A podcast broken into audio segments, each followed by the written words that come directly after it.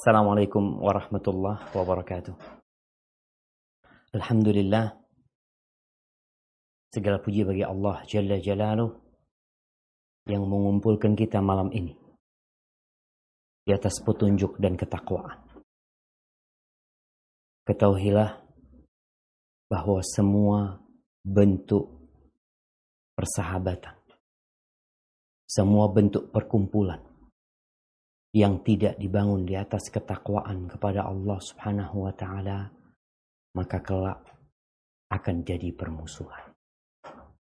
Allah Azza wa Jalla mengatakan al-akhilla yawma idzin ba'dhum li ba'din adu illa al-muttaqin. Semua orang yang saling mengasihi, yang saling mencintai kelak akan saling bermusuhan.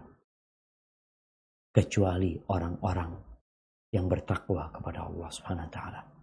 Semoga kita termasuk dari mereka. Allahumma salli wa sallim ala sayyidina Muhammadin wa ala alihi wa ashabihi ajma'in. Ya Allah, semoga salawat, salam, berkah dan nikmat malam ini malam Jumat. Malamnya bersalawat buat Nabi alaihi salatu wassalam. Bayangkan Allah Rabbul Alamin saja bersalawat buat Nabi. Malaikat-malaikat Allah yang tidak pernah berbuat dosa dan nista. Tidak seperti kita manusia. Itu mereka pun bersalawat buat Nabi alaihi salatu wassalam. Inna Allah wa malaikatahu yusalluna ala nabi. Ya ayyuhalladzina amanu. Sallu alaihi wasallimu taslima. Wahai orang-orang yang beriman bersalawatlah kalian dan bersalam buat Nabi alaihi salatu wassalam. Kita semua mengaku umatnya Rasulullah sallallahu alaihi wasallam. Tapi terkadang manusia hanya pandai bersilap lidah. Hanya pandai berbicara. Hanya pandai merubah status dia. Cinta itu memerlukan pembuktian dari kita.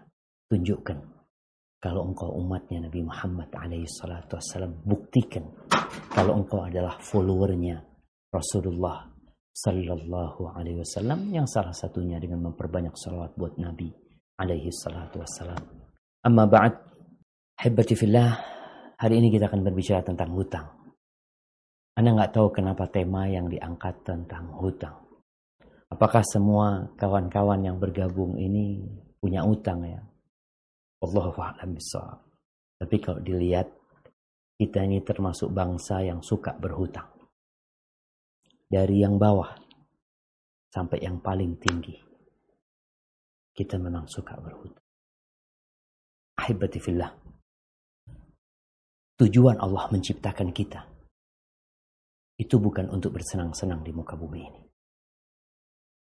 Kenapa? Karena kita berada di tempat yang terkutuk. Manusia pertama yang Allah ciptakan. Kakek kita. Nabi Adam alaihissalam. Itu Allah letakkan dia di dalam surga bersama istri. Allah bebaskan dia untuk makan fakula minha ragadan haitsu syi'tuma. Silahkan dimakan dari semua yang ada di surga. Kalian hidup nyaman di sana. Nikmatin apa saja yang ada di dalam surga. Tapi Allah sudah menetapkan akan memberikan ujian kepada manusia. Allah katakan kepada Nabi Adam dan kepada Hawa, "Wala taqraba hadhihi syajarah." Ini pohon jangan deketin nih. Ini pohon jangan deketin. Wala taqraba hadhihi syajarata fatakuna minal zalimin. Semuanya boleh, jangan deketin nih pohon. Ketika engkau mendekatin pohon ini, kau akan menjadi orang-orang yang zalim. Tapi ternyata godaan itu lebih besar.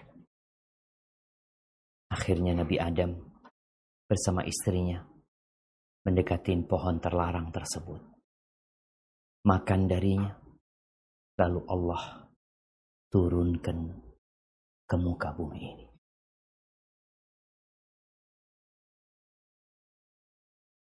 Yang kata Rasul Sallallahu Alaihi Wasallam tentang bumi yang kita pijak.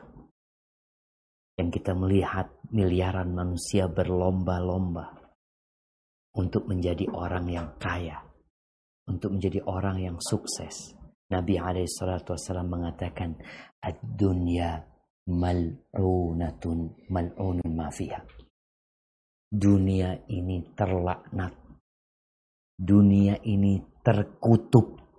Semua yang di dalamnya terkutuk. Illa zikrullah wa mawala wa alim au muta'allim. Yang tidak terkutuk apa di muka bumi ini? Kita dapat melihat semua yang kita kumpulkan. Semua yang kita sentuh. Semua yang kita lihat. Itu akan hancur. Semua hasil usaha kita. Hasil kerja kita. Kita akan tinggalkan semua. Mobil yang kita beli. Bertahun-tahun kita nabung untuk membelinya. Rumah yang kita bangun di tempat yang strategis dengan biaya yang besar. Itu akan pergi dan hilang. Karena itu hakikat dunia. Yang tidak terkutuk apa? Mengingat Allah Azza wa Jalla. Dan semua ketaatan kepada Allah. Semua yang berbau ketaatan kepada Allah. Itu yang tidak terlaknat. Kenapa? Itu yang akan kau bawa. Itu yang akan menemanimu tatkala semua manusia meninggalkan. Siapa yang menemani kita tatkala kita di kuburan? Istri. Istri kita. Nggak ada yang mau nemenin kita. Anak-anak kita selamat tinggal. Kalau ayahnya meninggalkan harta yang banyak, mungkin sang anak mendoakan ayahnya. Sehari, dua hari, sepekan, dua pekan setelah itu dia akan menghabiskan harta peninggalan peninggalan ayah. Semuanya ditinggal kecuali zikrullah, amal-amal soleh yang kau kerjakan. Itu yang akan mendampingimu di saat engkau kesepian.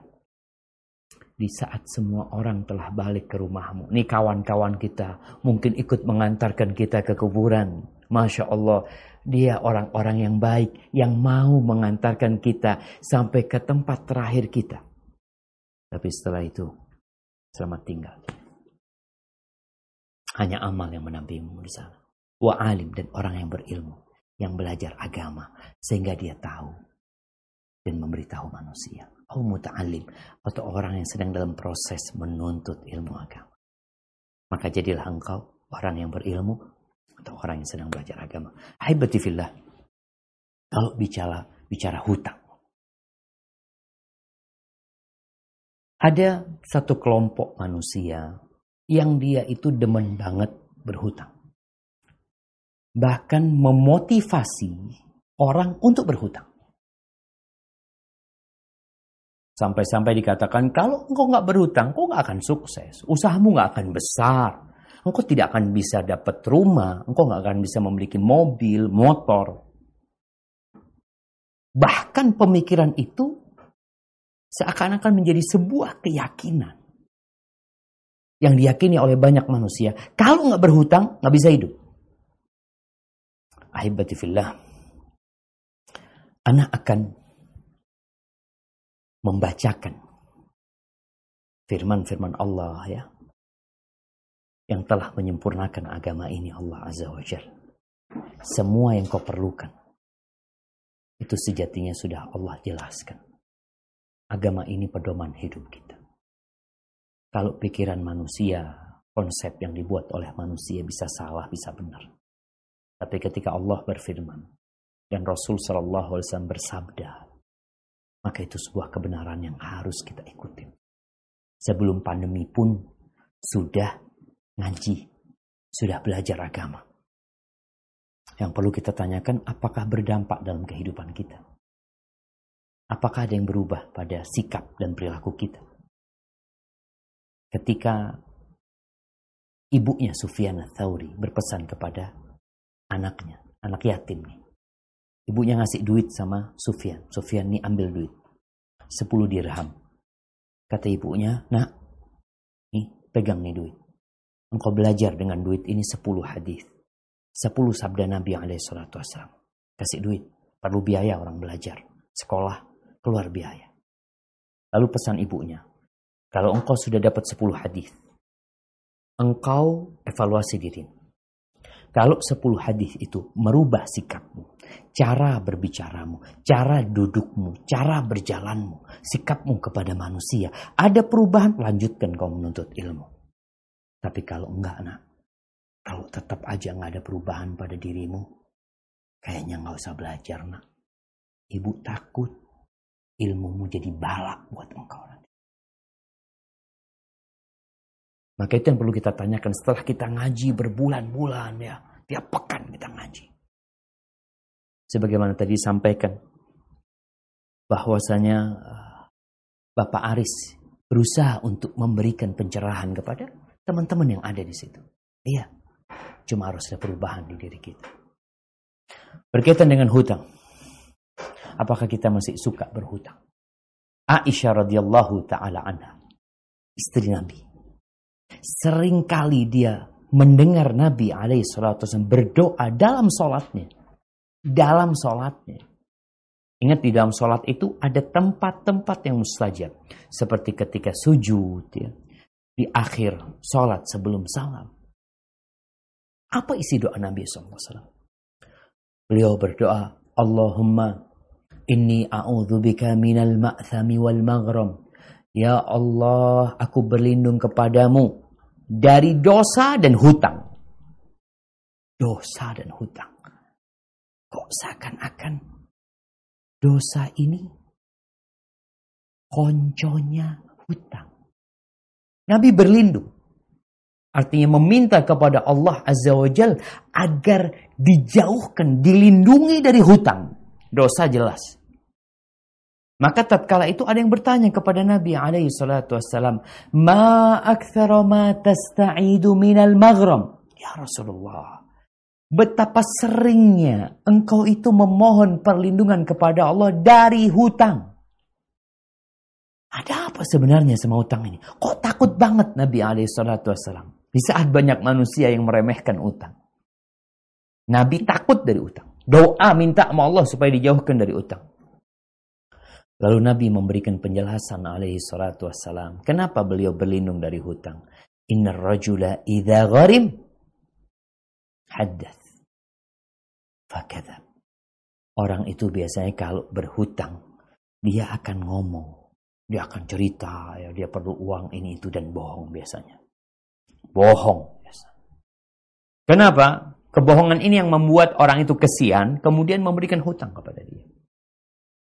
Ini hutang yang tanpa riba ya. Kalau sekarang orang itu suka ngutangin. Dulu orang tuh nggak kepingin ngutangin. Tapi karena sekarang mengutangin orang lain itu menjadi sebuah badan usaha untuk memperkaya diri, maka banyak yang ngutangin. Tapi dulu enggak, kita kalau mau utang masih tahu ke orang itu, aku ibuku sakit atau ini itu supaya diutangi. Wa wa'ada fa'akhlaf. Dan dia biasanya akan janji orang yang berhutang ini dan dia akan ingkar janji. Itu realitanya.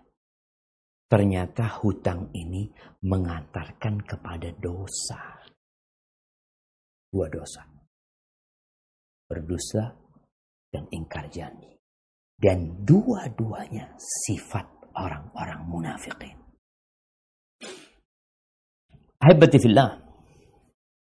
Suatu hari ini kita ingin menanamkan di diri anak pribadi dan teman-teman semuanya dan kaum muslimin Jangan suka berhutang. Nabi pernah duduk bersama para sahabatnya. Sallallahu alaihi wasallam. Ini ceritanya Muhammad bin Jahsh. Iparnya Rasul SAW. Kita lagi duduk, tahu-tahu Nabi alaihi wasallam melihat ke langit. Mengangkat kepalanya, menengadah ke langit.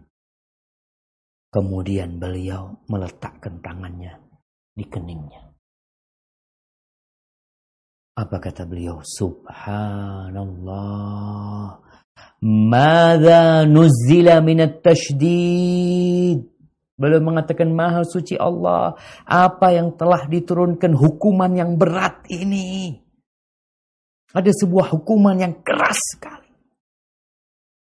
Fasakatna wa fazi'na. Itu para sahabat dengar itu. Mereka pada diam. Dan mereka ketakutan. Keesokan harinya, sahabat gak ada yang tanya. Mereka ketakutan. Apa nih? Ada hukuman yang sangat keras. Keesokan harinya, baru Muhammad bin Jahash bertanya kepada Nabi. Alaihi salatu wassalam. Ya Rasulullah, Alaika salatu wassalam ya Rasulullah. Ma hada tashdid alladhi nuzzil. Wahai Rasulullah, semoga salat dan salam tercurahkan untukmu. Apa hukuman yang sangat keras yang telah diturunkan?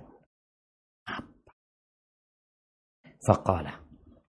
Lalu Nabi bersabda, "Walladzi nafsi biyadihi." Demi Allah, demi yang jiwaku di tangan Allah Azza wa Jalla, "Lau anna rajulan qutila fi sabilillah, thumma uhyiya, thumma qutila, thumma uhyiya, thumma qutila." Andai kata ada seorang yang berjuang di jalan Allah, nih perang dia, membela agama Allah Subhanahu wa taala. Kemudian dia mati syahid. Lalu dia dihidupkan kembali sama Allah. Dan dia berjuang lagi di jalan Allah. Ini orang ini nggak cari fulus. Nggak mikirin dunia. Ini orang mau berjuang untuk agama Allah SWT. Mati lagi dia. Kemudian dihidupkan kembali. Lalu berjuang lagi dan mati tiga kali. Wa alaihi dainun ma jannah. Hatta yukta anhu dain. Dan dia menanggung hutang, maka nggak masuk surga tuh orang. Nggak bakal masuk surga sampai utangnya dibayar. Gak main-main jamaah. Padahal kita tahu pahala orang yang mati syahid. Subhanallah. Orang yang mati syahid itu dengan awal tetesan darahnya diampuni dosa-dosa. Kecuali hutang. Para ulama menjelaskan hutang ini sekedar contoh. Sebenarnya bukan hanya utang.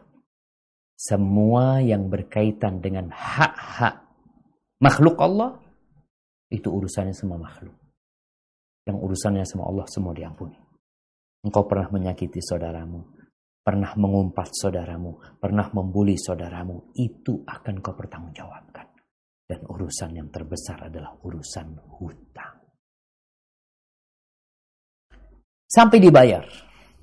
Gimana kalau ternyata ahli warismu tidak membayar?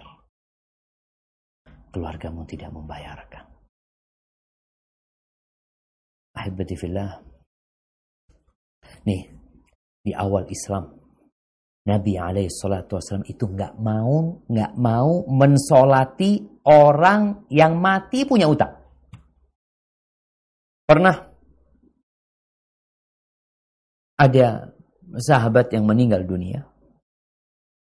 Ditanya sama Nabi alaihi salatu wasallam, punya utang nggak dia? Kata para sahabat, iya dia punya utang. Berapa utangnya? Dua dinar. Dua dinar itu kira-kira ya lima juta. Lalu Nabi Alaihissalatu Wassalam tidak mau mensolatnya. Ada seorang sahabat Abu Qatadah radhiyallahu anhu mengatakan, "Ya Rasulullah, aku yang nanggung utangnya. Aku yang nanggung utangnya." Jadi ada sahabat yang menjamin utangnya akan dibayar. Lalu Nabi mensolatnya. Ketika keesokan harinya Nabi Alaihissalam bertanya kepada Abu Qatadah. Kala, Abu Qatadah, engkau udah bayarin. Kata dia, udah Nabi SAW. Al-an baradat alaihi jildu. Sekarang setelah engkau lunasin, baru kulitnya itu sejuk. Baru dia dingin. Artinya jaminan dari seseorang tidak membuat dia lepas dari hutangnya sampai dibayarin hutangnya. Karena dia yang utang. Ini menunjukkan tentang beratnya urusan utang. Jangan utang kecuali darurat. Kecuali terpaksa utang. Tapi kebanyakan kita utang untuk beli handphone. Utang untuk beli motor. Sekarang lagi rame beli sepeda. Mana punya motor, sepeda. Subhanallah. Thauban maula Rasul sallallahu alaihi wasallam. Dia meriwayatkan hadis bahwa Nabi alaihi salatu wasallam mengatakan man mat wa huwa bari'un min thalath. Barang siapa yang mati dalam kondisi dia itu bebas dari tiga perkara. Satu, dua, tiga. Kalau engkau mati, kan pesan Allah, wala tamutunna illa wa antum muslimun. Jangan mati kecuali dalam kondisi Islam. Nah, tapi ternyata ada hal-hal lain yang perlu kita jaga. Tiga hal salah satunya. Yang pertama, kalau engkau mati selamat dari kesombongan. Sombong itu bukan pakai baju baru. Bukan pakai sandal yang bagus. Mobil yang mewah, enggak. Sombong itu menolak kebenaran. Dikasih tahu. Nggak mau. Sombong. Dan meremehkan orang lain. Sebagian kita kan yang akan mendengarkan ceramah mendengarkan kajian. Dia udah gak nyaman. Emang dia gak mau dengar. Gak mau terima dia. Walaupun yang disampaikan kebenaran. Itu sombong. Dan meremehkan orang lain. Dan kita tahu, la khulul jannah. Gak masuk surga orang yang di hatinya ada sebesar darah. Sebesar semut dari kesombongan. Yang kedua, al-ghulul mengambil harta milik orang banyak. Kalau mencuri milik satu orang. Tapi gulul ini yaitu mengambil harta yang milik orang banyak. Salah satunya adalah harta rampasan perang. Itu milik orang banyak. Dia ambil. Susah kau masuk surga. Yang ketiga, adain Hutang. Kalau engkau nggak punya sifat sombong, engkau nggak, pernah mengambil milik orang banyak, apalagi tadi yang berkaitan dengan harta rampasan perang, menggelapkan harta milik umat. Yang ketiga, engkau nggak punya utang, insya Allah masuk surga. Jaminan dari Nabi yang Wasallam. Salah satunya, jangan punya utang. Rasulullah Sallallahu Alaihi Wasallam juga bersabda tentang urusan utang ini. Nafsul mu'min mu'allaqatun bidainihi hatta yuqda anhu. Jiwa orang yang beriman itu bergantung sama utangnya. Sampai utangnya dibayar. Artinya dia tidak dihukum selamat atau dia dibinasakan sampai dilihat. Dia bisa nggak melunasi utangnya? Ketika di dunia, harta berguna. Mobilmu bisa engkau jual. Rumahmu bisa engkau jual untuk menutupi utang. Tapi ketika engkau udah mati, apa yang kau akan jual? Kau udah mati. Dan kau punya utang.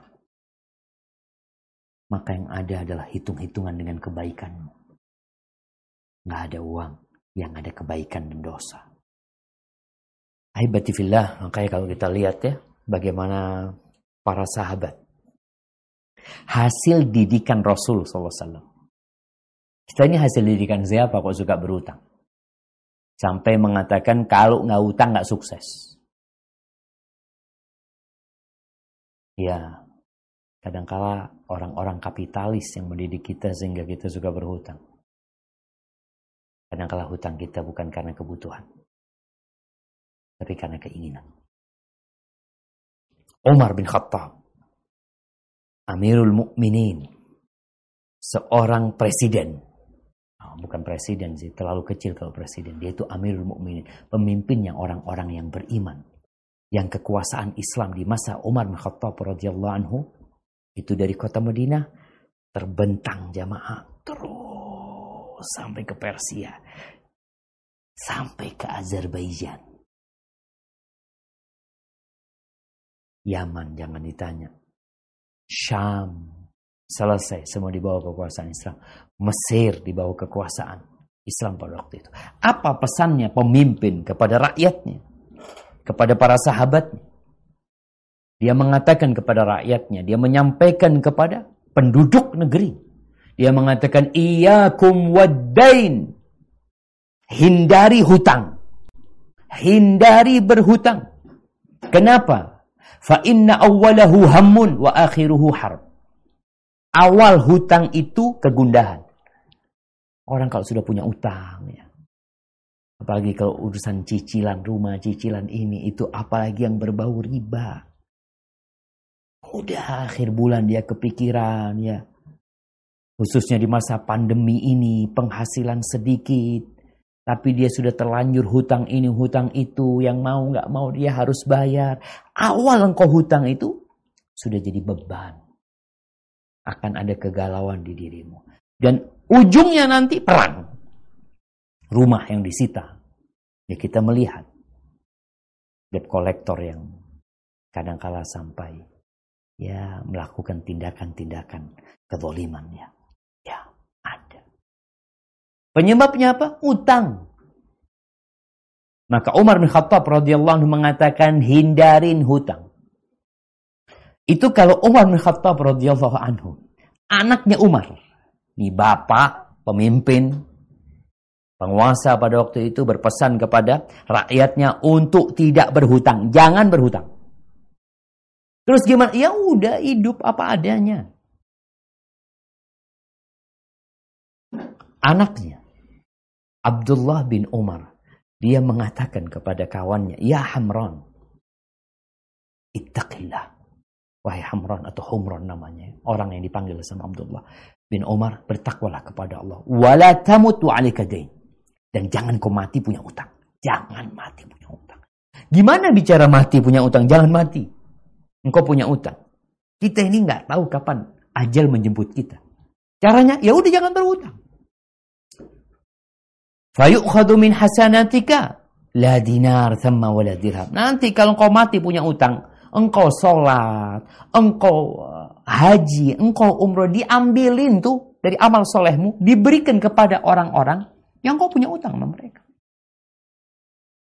Sholat yang kau capek, lelah, perlu kesabaran, pahalanya dikasihkan sama mereka. Apa penyebabnya? Engkau berutang sama mereka. Jamaah rahmukumullah, para ulama berbincang tentang hutang ini. Terus gimana Ustaz? Boleh apa enggak berhutang? Para ulama mengatakan boleh berhutang dengan tiga syarat. Tiga syarat. Yang pertama, niat untuk membayar. Niat untuk membayar. Karena ada orang yang pinjam sama kawannya. Dari awal dia nggak niat mau bayar. Adalah fulan. nggak bayar, nggak apa-apa sama fulan. Ada orang-orang yang seperti itu. Jadi dari awal dia sudah merasa eh, nggak uh, perlu bayar gitu. Dan banyak terjadi di negeri kita juga jemaah ya. Orang-orang yang beli sesuatu, yang kemudian kredit. Lalu dari awal dia ingin menghilangkan barang tersebut. Kata Nabi SAW, Man akhada amwalan nas yuridu ada'aha adallah anhu. Barang siapa yang ngambil hartanya orang, pinjam sama orang uang, berhutang. Dan dalam hatinya dia bertekad untuk melunasinya, adallah anhu. Allah yang akan bayarin utang dia. Allah yang akan bayarin utangnya. Karena dari awal udah dia komitmen, aku mau bayar gitu. Nggak ada bohong-bohong dia enggak. Memang dari awal niat. Jadi urusan hati. Wa man akhadha amwalan nas yuridu itlafaha atlafa Allah. Tapi barang siapa yang niat berhutang dari awal, niat nggak mau bayar dia, maka Allah akan hancurkan dia bersama hartanya. Sampai mati nggak bisa bayar. Kenapa dari awal dia sudah niat nggak mau bayar? Subhanallah. Maka kalau engkau berhutang yang pertama, niat untuk bayar. Yang kedua, dia tahu atau paling tidak dia mengira bahwa dia mampu melunasi utangnya. Jadi ketika dia mau pinjam uang, dia ngomong sama orang tersebut, insya Allah aku bisa bayar. Kapan? Allahu alam. Tapi insya Allah aku akan bayar. Insya Allah kalau enggak nanti aku akan jual ini, itu, macam-macam lah. Artinya memang dalam benak dia ada sesuatu yang dia bisa bayarkan. Tapi kok ternyata kok nggak punya. Di situlah akhirnya terjadi kebohongan. Engkau tahu, nggak mampu anak, anak utang sekarang bayarnya gimana anak nggak tahu. Maka engkau harus sampaikan kepada orang yang punya uang. Sampaikan, bang, aku mau pinjam uang, bang. Tapi aku nggak tahu bisa bayar apa enggak. Kira-kira dipinjemin nggak antum ya? Kayaknya nggak dipinjemin antum. Aduh, gimana antum nanti? Di situlah kemudian muncul kebohongan. Kita ngomong ini, itu, aku punya ini, ada fulan yang insya Allah akan ngelunasin, ada, ada, ada, semuanya bohong. Seharusnya kau jujur. Kau sampaikan, aku mau pinjam, tapi kapan bayarnya? Wallahu alam. Syarat yang ketiga. Dia berhutang untuk sesuatu yang disyariatkan. Jadi memang yang diperlukan sama engkau. Kalau harus berhutang itu, hutanglah untuk makan. Untuk makan. Untuk berobat. Bukan untuk gaya hidup. Tapi kebanyakan kita berhutang untuk gaya hidup. Kadangkala teman-teman yang kerja merantau juga. Kalau ditanya, kau kok jauh-jauh kerja sampai ke Jakarta ya? Ya itulah saat demi sepiring nasi bohong. Kalau sepiring nasi di kampung ada. Ada sepiring nasi. Terus kenapa engkau merantau? Untuk sesuatu yang lebih besar. Itu yang banyak terjadi. Soalnya kalau bicara sesuap nasi, sepiring nasi, kadang kala kawan kita sampai ke luar negeri ya. Ada dalam benak dia ambisi dunia ini. Ini yang menyebabkan sebagian orang itu hidupnya susah, terbebani sama hutang, karena ambisi dia sendiri. Kalau bicara kebutuhan, enggak. Motor umpamanya. Ini teman-teman nih, motor. Kenapa harus beli motor yang baru? Kenapa harus beli motor yang baru? Padahal engkau bisa beli motor 3 juta. 3 juta dapat motor. Bagus, bagus. Enggak usah bagus ya, 4 juta. 5 juta. Bagus. Kenapa engkau harus berhutang? Beli motor harga 17 juta. Ada yang beli motor harga 35 juta. Untuk apa? Kebutuhan bohong. Untuk gaya. Karena kalau bicara kebutuhan, ya udah kau beli yang sesuai dengan kebutuhanmu. Tujuan motor itu mengantarkan kita, nggak rusak-rusak, ke tempat tujuan kita. Enak dinaikin. Dan kalau bisa naik motor yang kalau kuncinya ketinggalan, nggak dicuri sama maling. Masya Allah. Punya motor, kuncinya ketinggalan, maling nggak mau ngambil. Begal nggak akan nggak akan membegal antum ya. Kalau antum naik motor 3 juta, kira-kira ada begal yang memberhentikan antum. Mungkin begalnya mengatakan, tafadol, tafadol, silahkan. Kadangkala masalahnya. Kenapa banyak orang punya motor-motor baru jamaah? Satu rumah, dua, tiga. Kadangkala. Ya, hutang. Makanya kalau antum lihat sohib datang pakai motor baru, langsung tanya, kredit berapa antum motor ini? Karena jarang yang beli kontak. Tapi kalau antum naik motor bekas, seharusnya antum gak gengsi. Ketika ada yang tanya, Masya Allah, Alhamdulillah, kontan mas, nggak hutang. Nah, maka ingat ketika engkau harus berhutang, hutanglah untuk kebutuhan. Nabi SAW berhutang, iya. Bahkan beliau meninggal dunia dalam kondisi baju besinya itu digadaikan ke orang Yahudi. Untuk apa? Untuk renovasi rumahnya? Untuk beli gandum, untuk makan. Maka kita tidak mengatakan utang itu dilarang. Enggak. Boleh. Aibatifillah. Gimana kalau sudah terlanjur Ustaz? Ini bicara terlanjur. Udah punya utang. Udah terlilit hutang karena ambisi yang ada di dadanya yang membuat dia hutang. Maka yang pertama, banyak-banyak minta ampun sama Allah taala. Karena mungkin kita nggak mengikuti arahan Nabi Muhammad SAW. Katanya kita followernya Nabi wassalam. Udah diarahkan jangan berhutang, kita masih berhutang untuk sesuatu yang bukan menjadi kebutuhan hidup kita, tapi untuk gaya hidup kita. Minta ampunlah sama Allah SWT. Banyak beristighfar, bertobat. Kemudian, yakin sama Allah. Ketika engkau dari awal memang niat untuk membayar, yakin kalau Allah akan bantu engkau. Ini berbaik sangka sama Allah sambil memperbaiki diri kita. Yang ketiga, doa. Nih, anak kumpulkan beberapa doa ya yang diajarkan oleh Nabi alaihi salatu wassalam. Mungkin bisa ditampilkan doanya. Ini doa. Diajarkan Nabi alaihi salatu wassalam untuk dibaca setiap sebelum tidur. Antum kalau uh, mau tidur nih, Suhail meriwayatkan.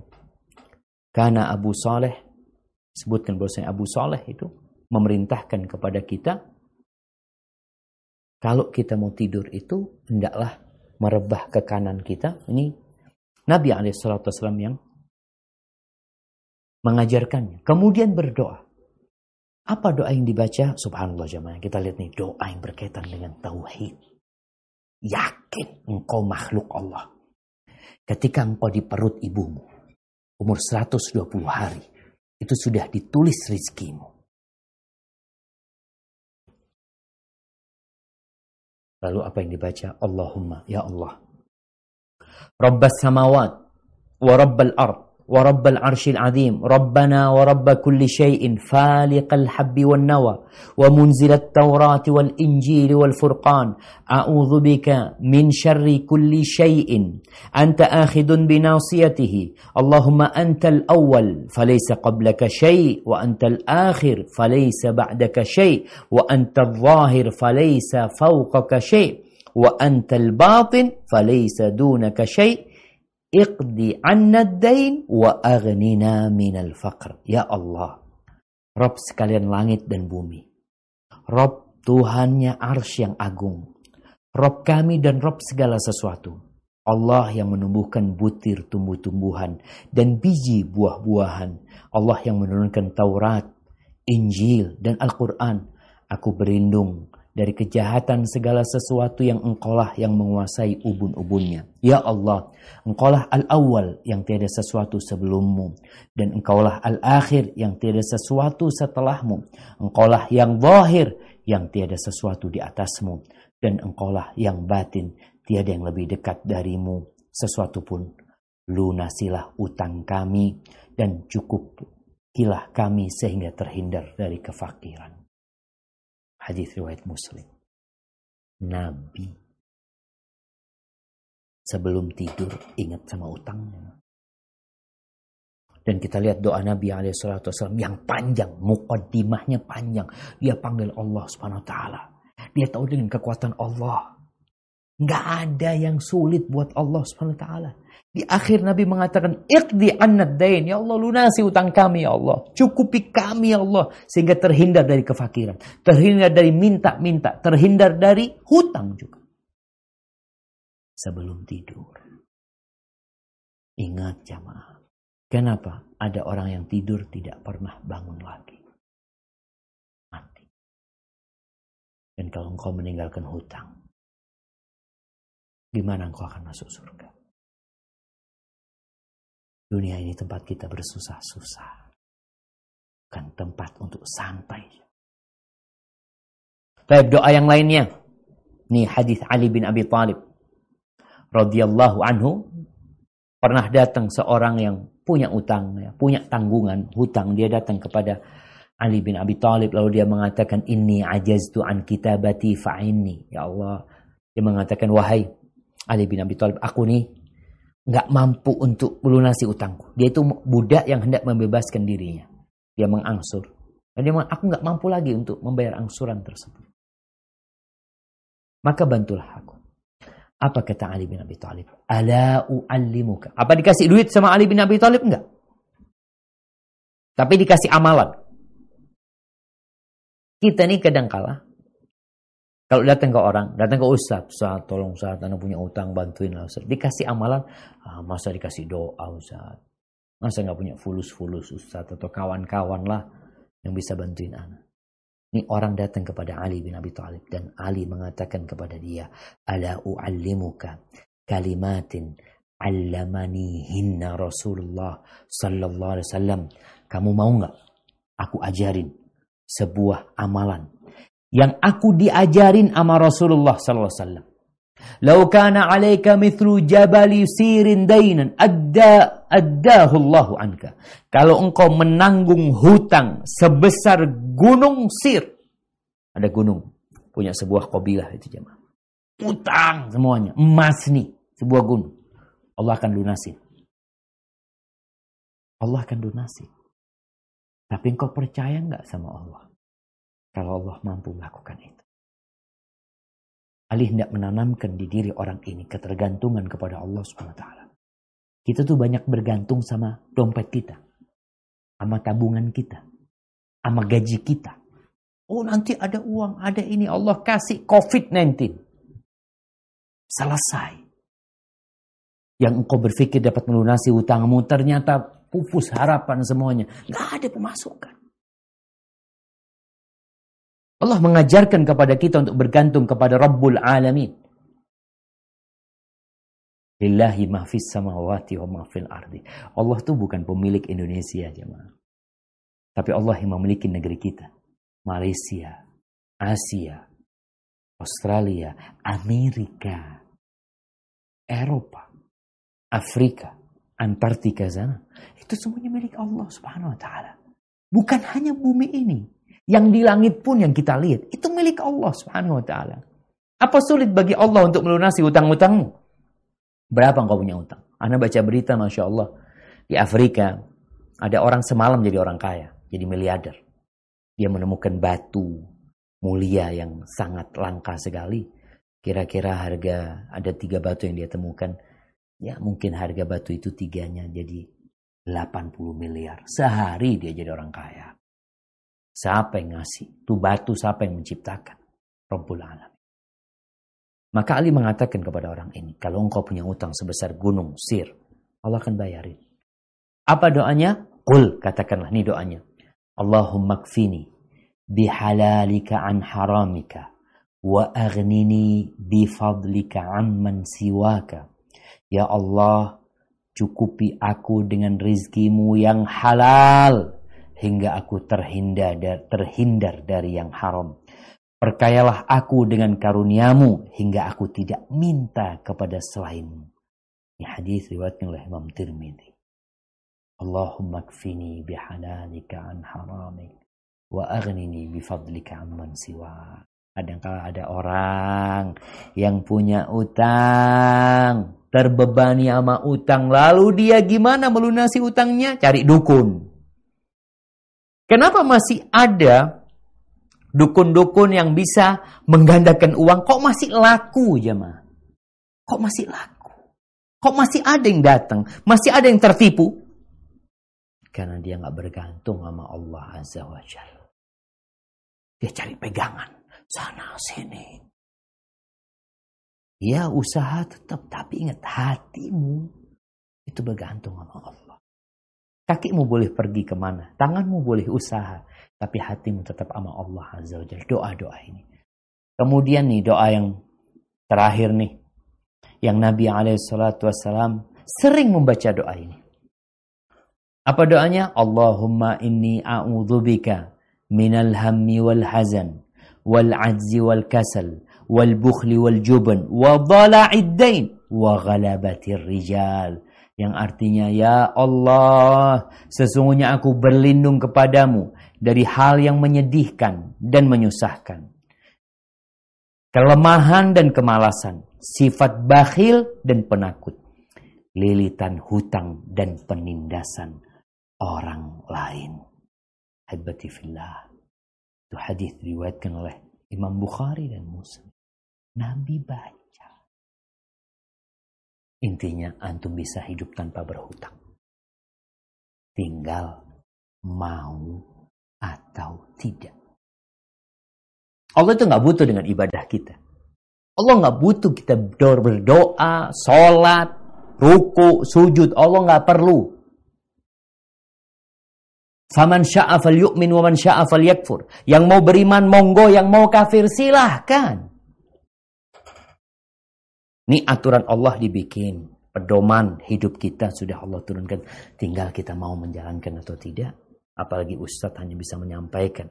Maka mintalah pertolongan kepada Allah agar dikasih kekuatan. Setelah ngaji, setelah belajar, itu ada perubahan sikap di diri kita. Barakallahu fikum. Mungkin yang bisa Anda sampaikan, Anda kembalikan kepada Tengku Firmansa. Mungkin kita bisa masuk ke sesi tanya jawab. Fadal. Barakallahu fikum.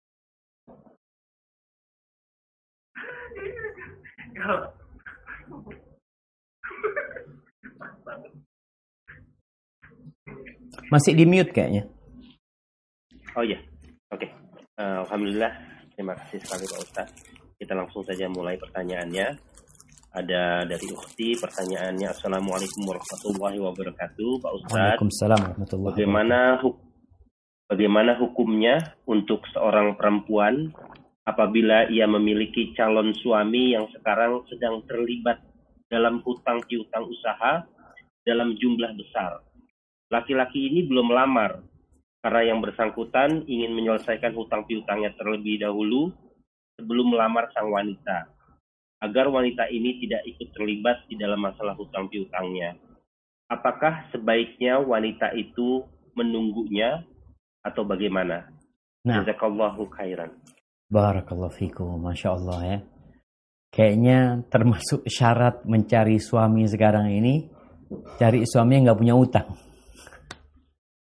Baik, barakallahu fikum. Gimana sekarang kondisi perempuan ini? yang pertama lihatlah suamimu. Rasul Shallallahu Alaihi Wasallam memberikan dua kriteria yang harus ada di diri suami. Yang pertama adalah agama. Yang kedua adalah karakter dan akhlak yang mulia. Nabi SAW tidak berbicara tentang harta, tidak berbicara tentang rupa, enggak. Karena kalau bicara hartanya suami, ya sehari bisa hilang kalau Allah mau. Kemudian kalau bicara rupa, lama-kelamaan kau lihat suamimu bosan juga. Karena terbiasa yang mungkin awal-awal belum nikah kelihatan, ya Allah, ganteng banget gitu. Sampai rumah sebulan kau lihat, ya biasa aja sih. Itu yang terjadi. Tinggal sekarang kau lihat nih calon suamimu. Apakah dia termasuk orang yang agamanya baik? Agama baik itu ada yang minimal. Jadi kalau bicara minimal, dia itu melaksanakan kewajiban, meninggalkan larangan. Itu minimal agama yang harus ada pada calon. Kalau bicara dia orang yang berhutang tadi sekarang, tinggal dilihat. Apakah dia termasuk orang yang memang takut berhutang, dia berhutang memang dengan cara yang baik ya. Mungkin dia tidak berhutang dengan cara riba. Kadang-kadang kan ambisi yang membuat dia akhirnya hutang, terlilit hutang. Padahal sebenarnya nggak harus seperti itu. Maka engkau selidikin tentang dia. Kalau dia memang sudah bertobat ya dari hutang-hutang dia yang karena ambisi dunia dia, karena ambisi dunia ini, cinta dunia ini adalah pangkal semua dosa. Kalau suamimu enggak sebenarnya Ustaz. Dia insya Allah orang yang soleh, yang menjaga sholatnya, yang melaksanakan kewajiban-kewajibannya jauh dari hal-hal yang haram. Silahkan kalau engkau mau menerima dia sekarang, walaupun belum melunasi hutangnya. Dan sejatinya istri itu tidak punya kewajiban melunasi utangnya suami. Tapi kalau dia mau bantu, silahkan.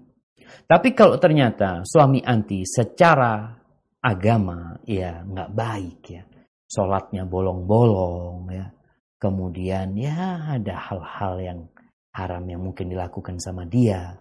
Kayaknya nanti harus berpikir mencari calon yang lainnya. Karena ini masa penentuan nanti.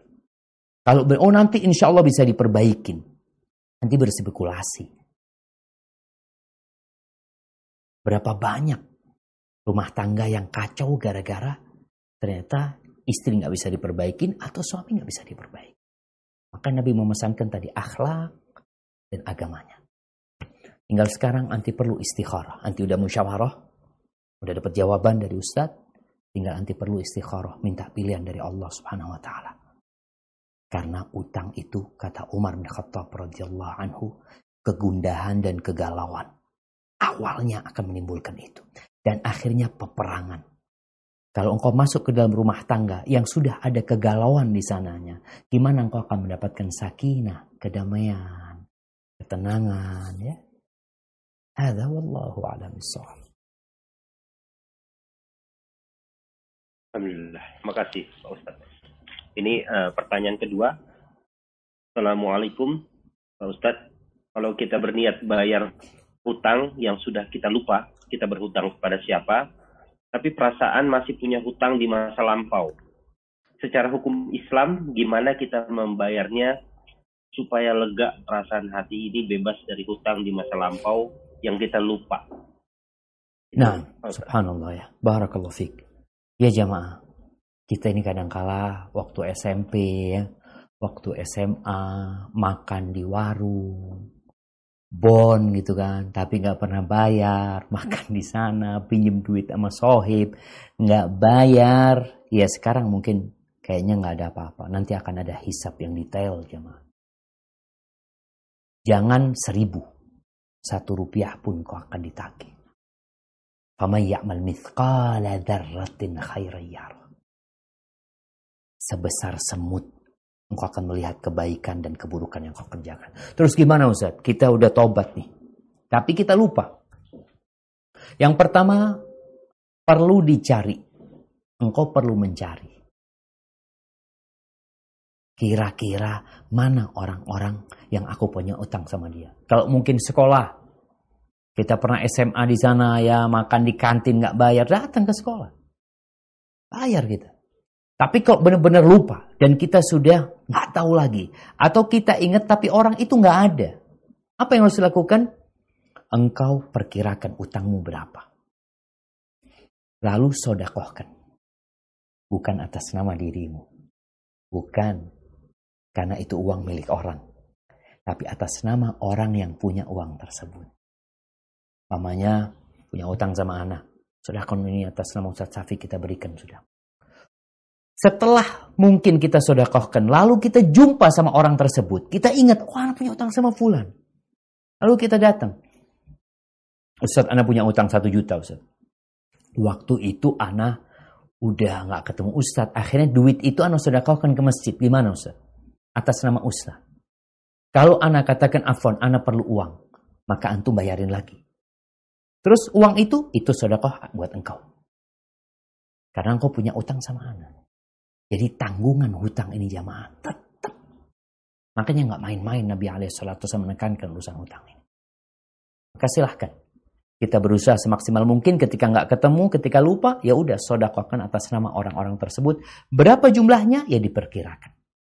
Ada wallahu a'lam Alhamdulillah. Terima kasih Pak Ustaz. Pertanyaan berikutnya. Uh, Assalamualaikum.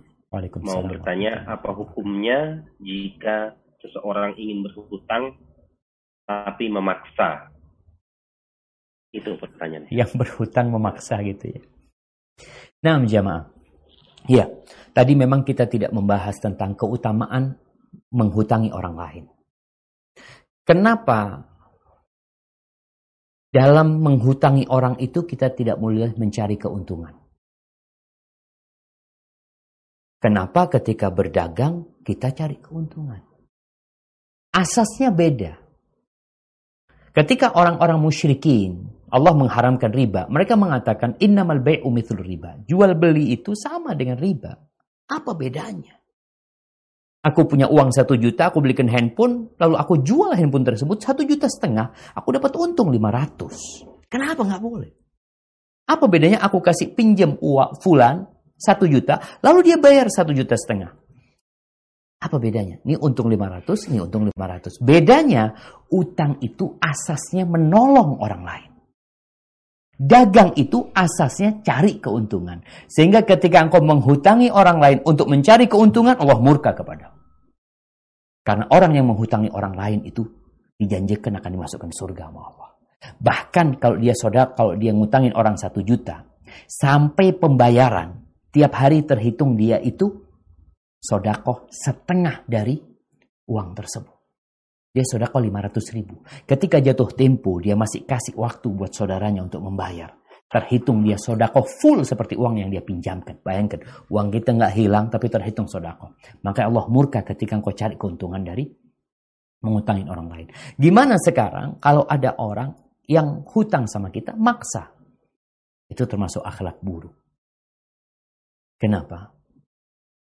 Karena menjadi hak kita tidak menghutangin.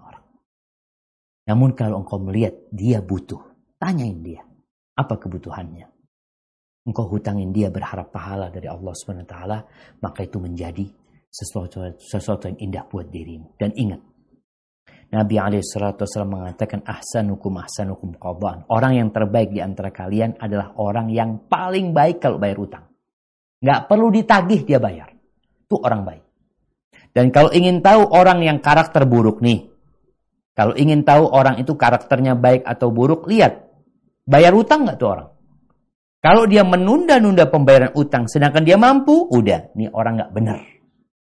Tadi tuh nyambung ke pertanyaan ke pertanyaan akhwat yang mau menikah sama laki-laki yang punya utang. Kalau suamimu, calon suamimu, orang yang memang Masya Allah, dia jual ini untuk melunasi utangnya, ahlan wassalam. Tapi kalau ternyata dia orang yang sulit membayar utang, itu tanda karakter buruk.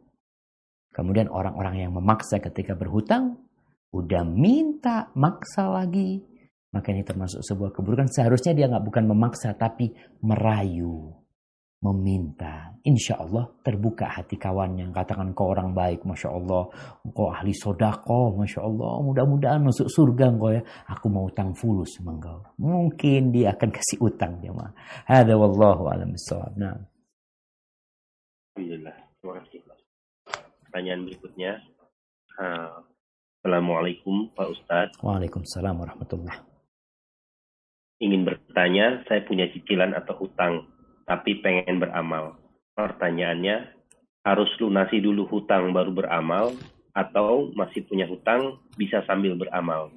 Terima kasih. Barakallahu fikum. Ya jamaah. Apakah orang yang berhutang itu bisa beramal? Tergantung utangnya. Ada utang yang jatuh tempo. Mau tidak mau kau harus lebih mengutamakan kewajibanmu. Kau lunasin utang tersebut.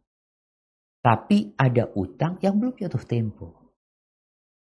Memulai anak janji akan bayar umpamanya Ramadan tahun depan. Apakah selama dari bulan Dhul Hijjah sampai Ramadan dia nggak sodako? Kalau suruh sodako, ah, anak masih punya utang. Engkau kalau masih punya utang bayarin sekarang. Tapi kalau engkau masih pembayarannya nanti, di sini engkau bisa beramal. Jadi beramal itu, sodako itu tidak mengurangi harta. Bahkan sodako itu menjadi salah satu pintu rizki. Namun ingat, jangan sampai engkau melakukan yang sunnah-sunnah yang wajib engkau tinggalkan. Jadi intinya ketika engkau punya hutang dan sudah jatuh tempo, maka bayarin. Ini juga menjawab pertanyaan mungkin orang, bisakah orang itu melakukan haji sedangkan dia punya utang? Iya, bisa aja.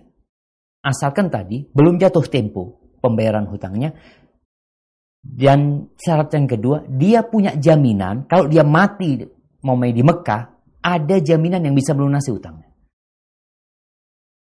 Kalau sudah jatuh tempo dan dia punya jaminan, yang pertama dia harus lebih mengutamakan bayar utangnya. Dia datang kepada orang tersebut, Bang, aku nih hari ini harus bayar utang. Aku punya uang 100 nih. Kalau abang izinkan, aku mau daftar haji. Abang tunda nanti pembayaran hutangnya. Nah, izin sama dia, karena itu sudah jadi hak dia dan kewajiban kita melunasi.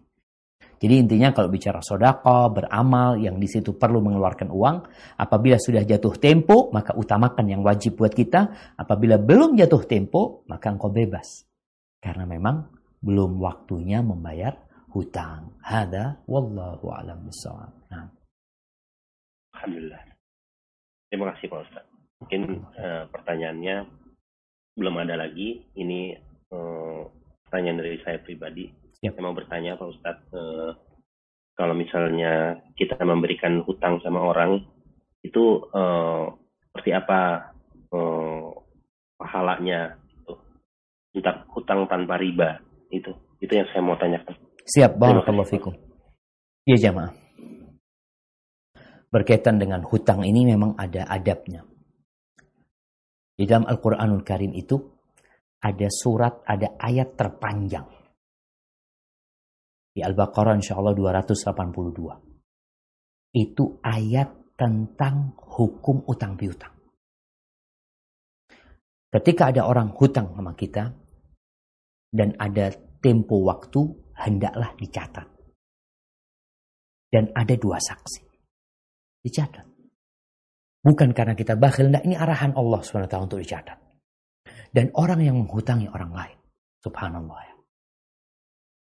Pernah Nabi Alaihissalam cerita tentang seorang laki-laki yang kemudian dihisap pada hari kiamat dia nggak punya amal soleh, nggak banyak amal soleh dia.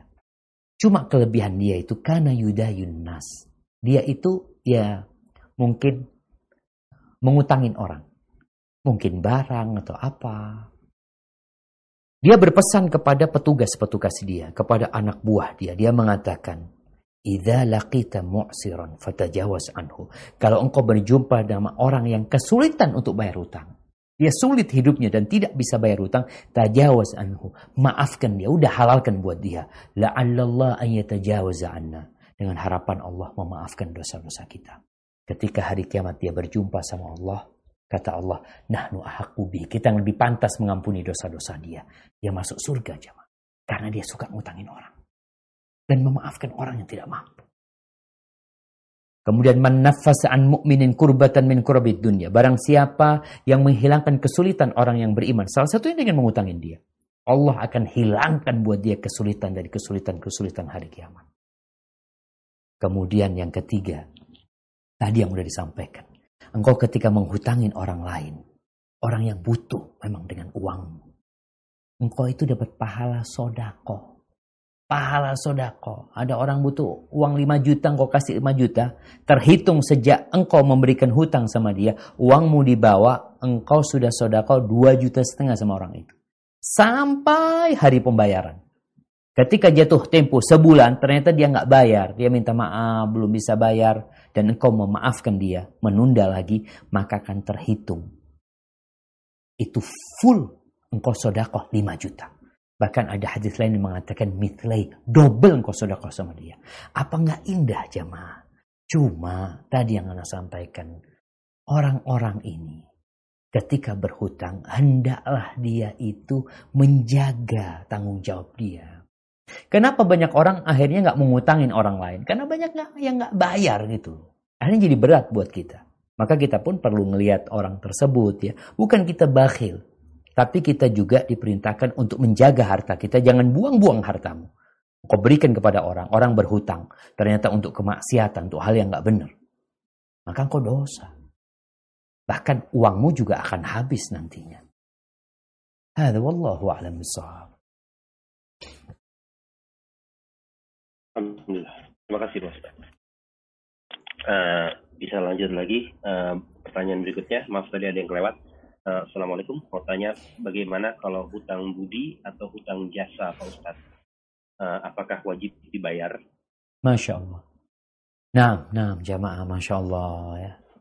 Ini hutang jasa, hutang budi. Apa kata Nabi alaihi salatu wassalam?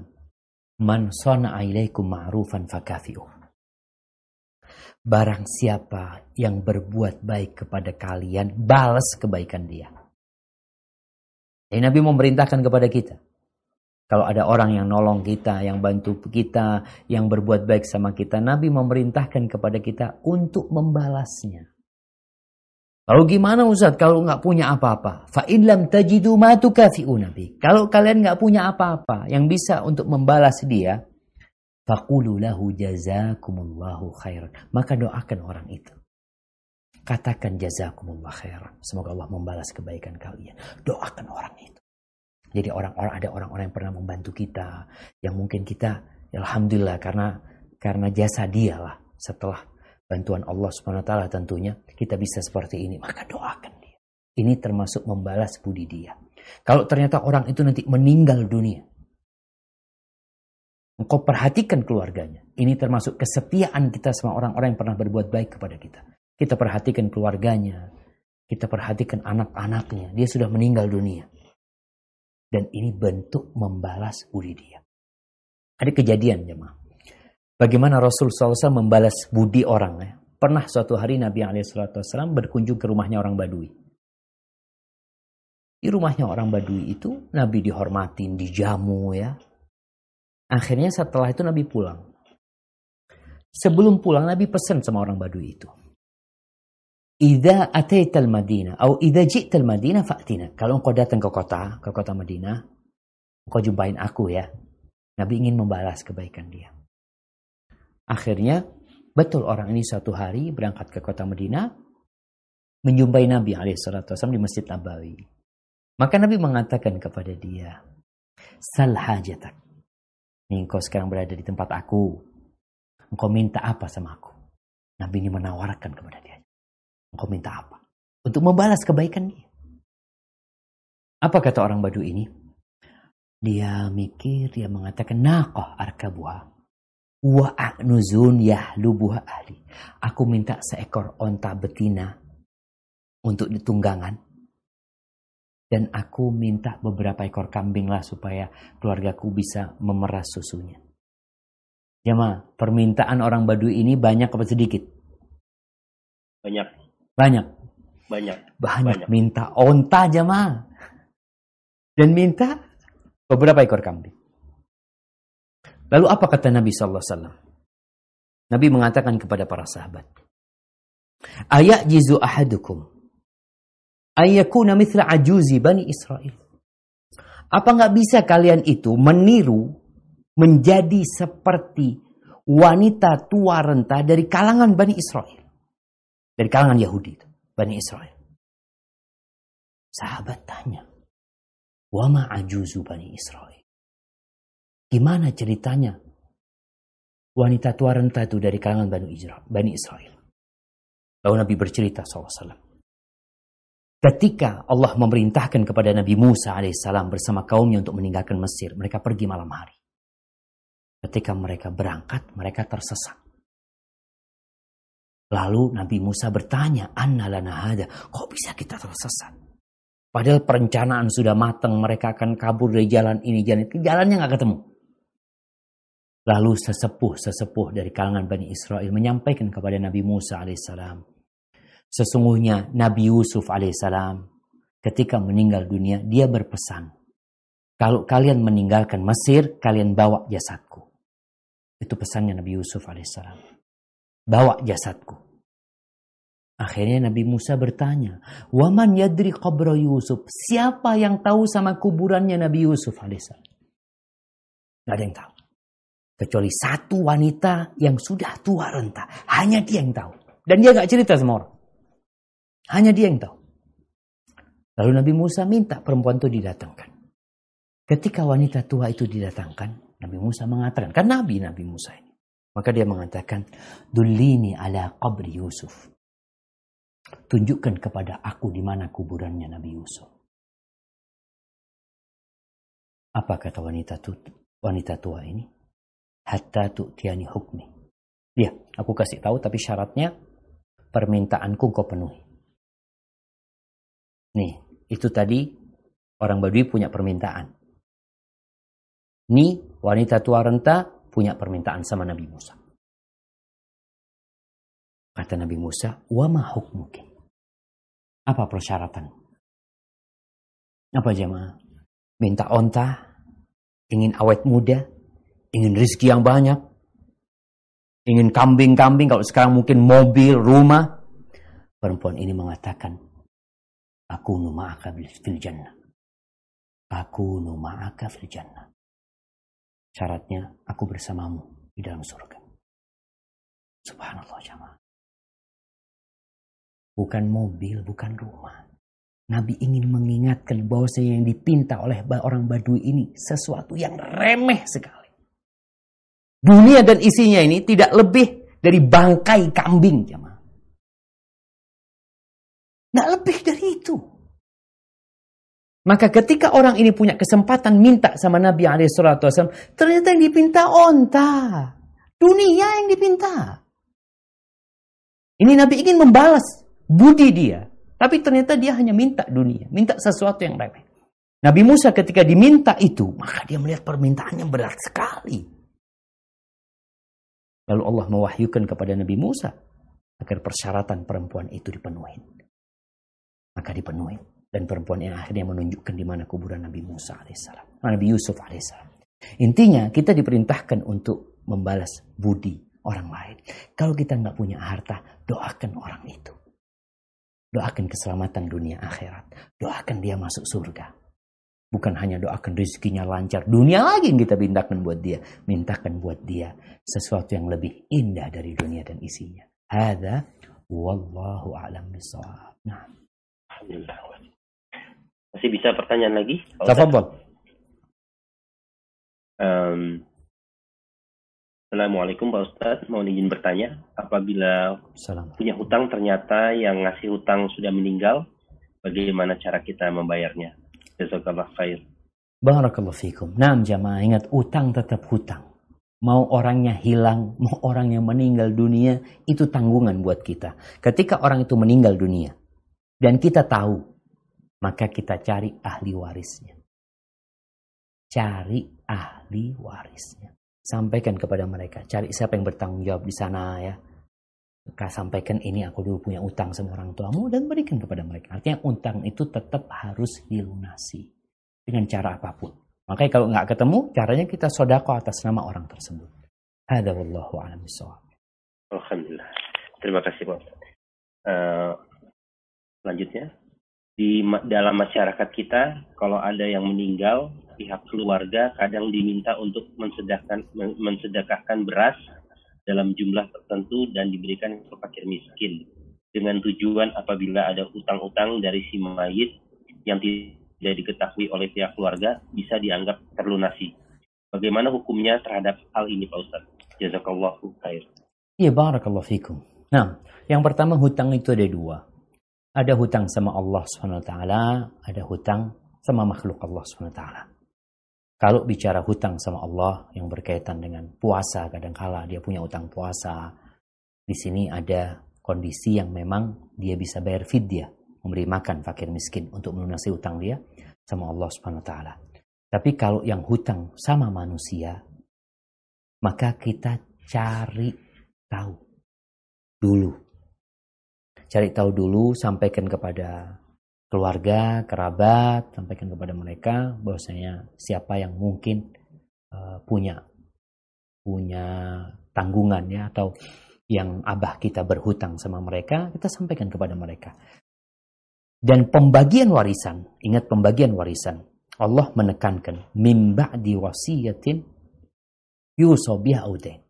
Pembagian warisan itu setelah wasiat ditunaikan dan hutang dilunasi. Zubair bin Awam ketika meninggal dunia, dia pesan sama putranya. Nah, Zubair ini meninggal dunia punya utang banyak. Sebenarnya dia nggak suka berhutang. Tapi orang-orang itu ketika dia mau titip uang sama Zubair, Zubair mengatakan, sudah akadnya jangan hutang. Akadnya jangan titip. Soalnya kalau titip itu nggak boleh dipakai. Orang titip sama kita duit, konsekuensi orang titip amanah, main duit nih 100 juta, titip sama kita, konsekuensinya kita nggak boleh pakai. Maka Zubair bin Awam mengatakan kepada mereka ketika titip, udahlah, supaya enak, aku bertanggung jawab, aku berhutang. Kalau titip hilang dan orang yang dititipin itu tidak melakukan kesalahan, maka uang itu hilang. Mamanya rumahnya kebakaran, ya udah hilang duitnya. Tapi kalau umpamanya itu hutang, mau rumahnya kebakaran, tetap hutang tanggung jawab dia. Akhirnya semua orang akadnya hutang. Dia berpesan kepada anaknya. Nah, kalau abah meninggal dunia, tolong lunasin hutang-hutang abah. Dan kalau engkau kemudian nggak mampu untuk melunasin utang-utang abah, engkau minta tolong sama tuannya abah, sama majikannya abah. Abdullah bin Zubair tanya, Waman maula ya abah, siapa tuanmu? Allah Azza wa Jal. Kalau engkau nggak mampu bayar utang, minta tolong sama Makanya Abdullah bin Zubair itu ketika nggak mampu melunasin utang abahnya, dia minta tolong sama Allah SWT. Akhirnya dia itu selama empat tahun warisan nggak dibagi sama. Tiap tahun ketika musim haji dia mengumumkan siapa yang Zubair punya utang sama dia tolong datang selama empat tahun. Setelah empat tahun baru warisan dibagi. Jadi urusan utang ini nggak main-main. Jadi keluarga mereka tidak hanya dengan sodako selesai urusannya. Enggak, mereka harus cari. Nanti setelah itu kalau untuk berhati-hati nggak ada masalah. Mungkin ada orang-orang yang kita nggak tahu, kita nggak kenal, maka kita sodakoh. Ini bukan atas nama ayah ya. Ini sodakoh nantinya atas nama orang yang ayah punya utang sama dia. Kan tadi kita sampaikan, kalau kita berhutang kepada orang yang kita nggak tahu orang itu ada di mana, maka kita keluarkan uang kira-kira sejumlah utang kita, kita sodakohkan atas nama siapa? atas nama pemilik uang. Nanti kalau dia ketemu kita, baru kita sampaikan kepada dia. Jadi seperti itu. Hada wallahu a'lam bishawab. Alhamdulillah. Uh, ini ada dua pertanyaan lagi, Pak Ustaz. Siap. Yang pertama, um, Assalamualaikum. Uh, Waalaikumsalam warahmatullahi Kalau hutang janji, misalnya janji mau memberangkatkan umroh, ternyata keburu meninggal dunia, itu seperti apa? Terus satu pertanyaan lagi, saya gabung aja ya, Ustaz. Siap, nah. Uh, ketika kita terlilit hutang orang lain, karena yang sudah berhutang tidak mau bertanggung jawab kepada pemilik uang, itu bagaimana? Maksudnya? Kita jadi uh, jaminan? Jadi mungkin, uh, iya, hmm. kayaknya seperti itu. Ya, Jadi dia, ya. Nah, Taib jamaah, janji-janji itu adalah hutang. Jadi ketika umpamanya ayah kita janji sama fulan, ingin memberangkatkan umroh ya, kemudian meninggal dunia. Apakah ahli warisnya wajib menepatin janji ayahnya? Kalau wajib enggak. Karena udah selesai, hanya meninggal belum sempat memenuhi janjinya. Tapi menjadi sebuah kemuliaan ketika anak-anaknya eh, memenuhi janji tersebut. Artinya kita juga nggak boleh nagih karena udah meninggal dunia dianya. Dan secara otomatis harta itu jatuh kepada ahli waris, bukan hartanya dia lagi. Makanya ketika anak mau mengeluarkan uang itu untuk janji ayahnya, maka itu jadi sebuah kemuliaan buat anak-anaknya. Tapi bukan sebuah kewajiban. Kadangkala ada orang juga pernah janji lalu dia nggak punya uang. Ya udah. Dia jangan terbebani dengan hal itu karena memang dia berjanji untuk memberkatkan umroh tentunya ketika mampu. Tapi ketika tahu-tahu memang uangnya habis atau apa, maka dia minta maaf. Tapi yang jelas jangan sampai engkau mengingkari janji dalam kondisi engkau niat untuk mengingkari janji. Jadi memang dari awal kita janji, bohong janji kita. Itu sifat orang-orang munafikin. Baik, kemudian kalau tadi kita menjadi jaminan, mamanya anak ada sahib anak mau utang sama fulan, dia nggak kenal sama fulan. Akhirnya anak yang ngutangkan, ayo anak pinjemin pinjemin fulus lah buat fulan, kesian fulan ini. Ana pasang badan.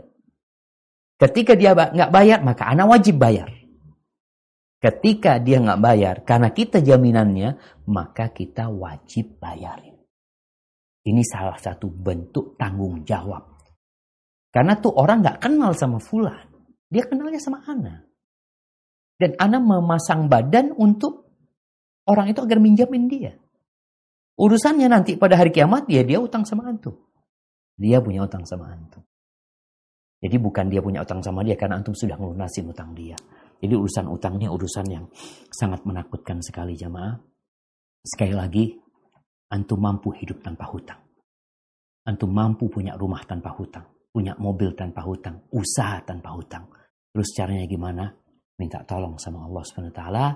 Berusaha untuk ya duduk ada namanya fikih prioritas kebutuhan kita. Jangan membeli sesuatu yang memang tidak perlu. Hanya sekedar gengsi untuk gaya hidup. Jangan. Hiduplah berbahagia. Gembira tanpa hutang. Baik, tadi masalah doa-doa yang yang tadi kita baca ya ya. Mungkin nanti akan dikirim via Mbak Ranti Purnamasari insya Allah ya. Doa-doa tersebut. Hada wallahu a'lam Kurang lebihnya ana mohon maaf. Ana kembalikan kepada Tengku Firmansyah. Barakallahu fikum. Alhamdulillah. Uh, terima kasih Pak Ustadz Syafiq atas ilmunya malam ini uh, tentang terlilit hutang. Mungkin uh, dari Juragan ada pertanyaan? Enggak ada, terima kasih. Cerahan, tapi gara-gara pencerahan ini banyak yang pucat ini.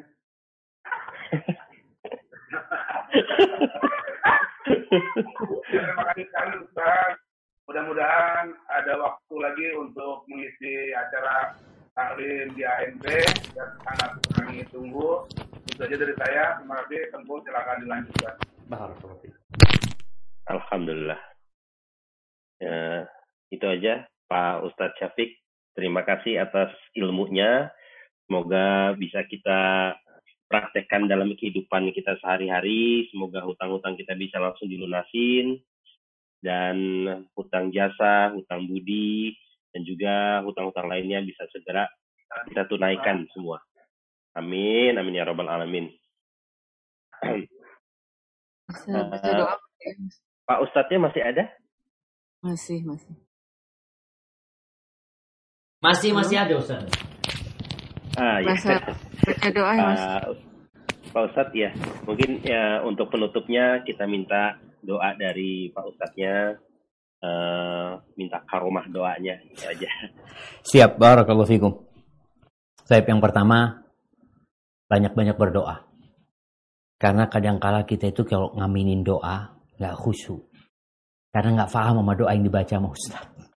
Tapi kalau engkau berdoa mohon sendiri ya dari hati, setan aja doa dikabulkan sama Allah Subhanahu wa taala. Iblis tuh doa dikabulin sama Allah Subhanahu wa taala. Karena dia minta dengan sangat kepada Allah taala. Maka kadangkala doa-doa kita tadi, doa-doa tentang supaya dilunasin hutang. Kenapa kok jawabannya lambat ya? Kadangkala kita membacanya tidak dari hati kita. Hanya sekedar membaca lafal-lafal doa tersebut. Ada sebuah doa yang diajarkan Nabi SAW biasa beliau baca ketika beliau bermajlis dengan para sahabatnya. اللهم اقسم لنا من خشيتك ما تحول به بيننا وبين معاصيك ومن طاعتك ما تبلغنا به جنتك ومن اليقين ما تهون به علينا مصائب الدنيا ومتعنا بأسماعنا وأبصارنا وقواتنا ما أحييتنا واجعله الوارث منا واجعل ثأرنا على من ظلمنا وانصرنا على من عادانا ولا تجعل مصيبتنا في ديننا. ولا تجعل الدنيا أكبر همنا ولا تسلط علينا من لا يرحمنا. اللهم اكفنا بحلالك عن حرامك وأغننا بفضلك عمن سواك. اللهم إنا نعوذ بك من الهم والحزن ونعوذ بك من العجز والكسل ونعوذ بك من الجبن والبخل ونعوذ بك من غلبة الدين وقهر الرجال. ربنا آتنا في الدنيا حسنة وفي الآخرة حسنة وقنا عذاب النار. وسبحان ربك رب العزة عما يصفون. وسلام على المرسلين. والحمد لله رب العالمين. والسلام عليكم ورحمة الله وبركاته.